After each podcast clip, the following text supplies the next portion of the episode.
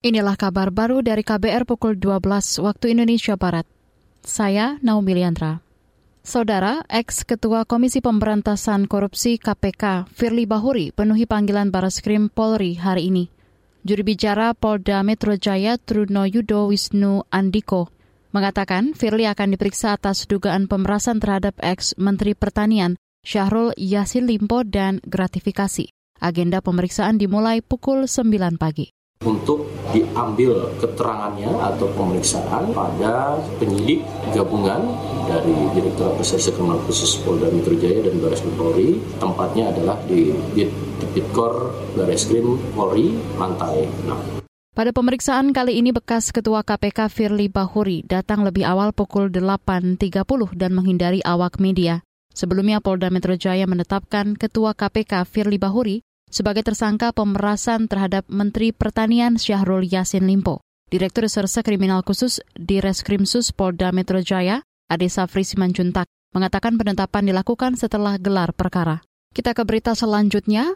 Cabai merah menjadi komoditas penyumbang utama inflasi bulanan pada November 2023, yakni 0,38 persen secara bulanan atau month to month. Deputi Bidang Neraca dan Analisis Statistik BPS Moh Edi Mahmud mengatakan, cabai merah menjadi penyumbang inflasi terbesar di kelompok makanan, minuman, dan tembakau. Kelompok pengeluaran penyumbang inflasi bulanan terbesar pada bulan November 2023 adalah makanan, minuman, dan tembakau, yaitu sebesar 1,23 persen dan andil inflasi sebesar 0,32 persen. Dengan komoditas penyumbang utama inflasi adalah yang pertama cabai merah ya dengan eh, apa dengan andil inflasi sebesar 0,16 persen.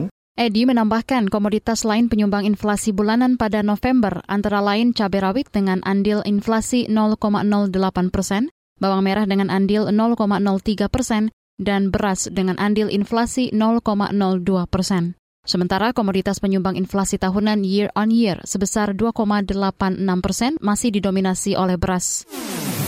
Kabar Pemilu Kabar Pemilu Wakil Wali Kota Solo Teguh Prakosa meminta aparatur sipil negara ASN melapor jika ada anggota keluarganya yang maju di pemilu 2024.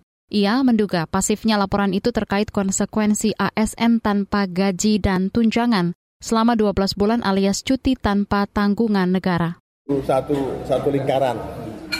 Itu kalau dia PNS, sekarang kita bicara di PNS ya ini dia harus cuti dan cuti ini diatur ya. Mau sanksi sampai satu tahun boleh.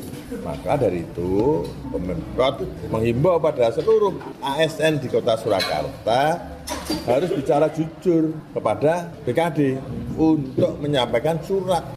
Teguh berharap Badan Kepegawaian Pelatihan dan Sumber Daya Manusia BKPSDM Pemkot Solo lebih aktif mendata ASN tidak hanya sekadar menunggu laporan. Dari informasi yang dihimpun, ada 10 ASN yang memiliki anggota keluarga yang maju menjadi calon legislatif di pemilu 2024, meliputi suami, istri, anak, orang tua, maupun keluarga mertua. Demikian kabar baru dari KBR, saya Naomi Liandra.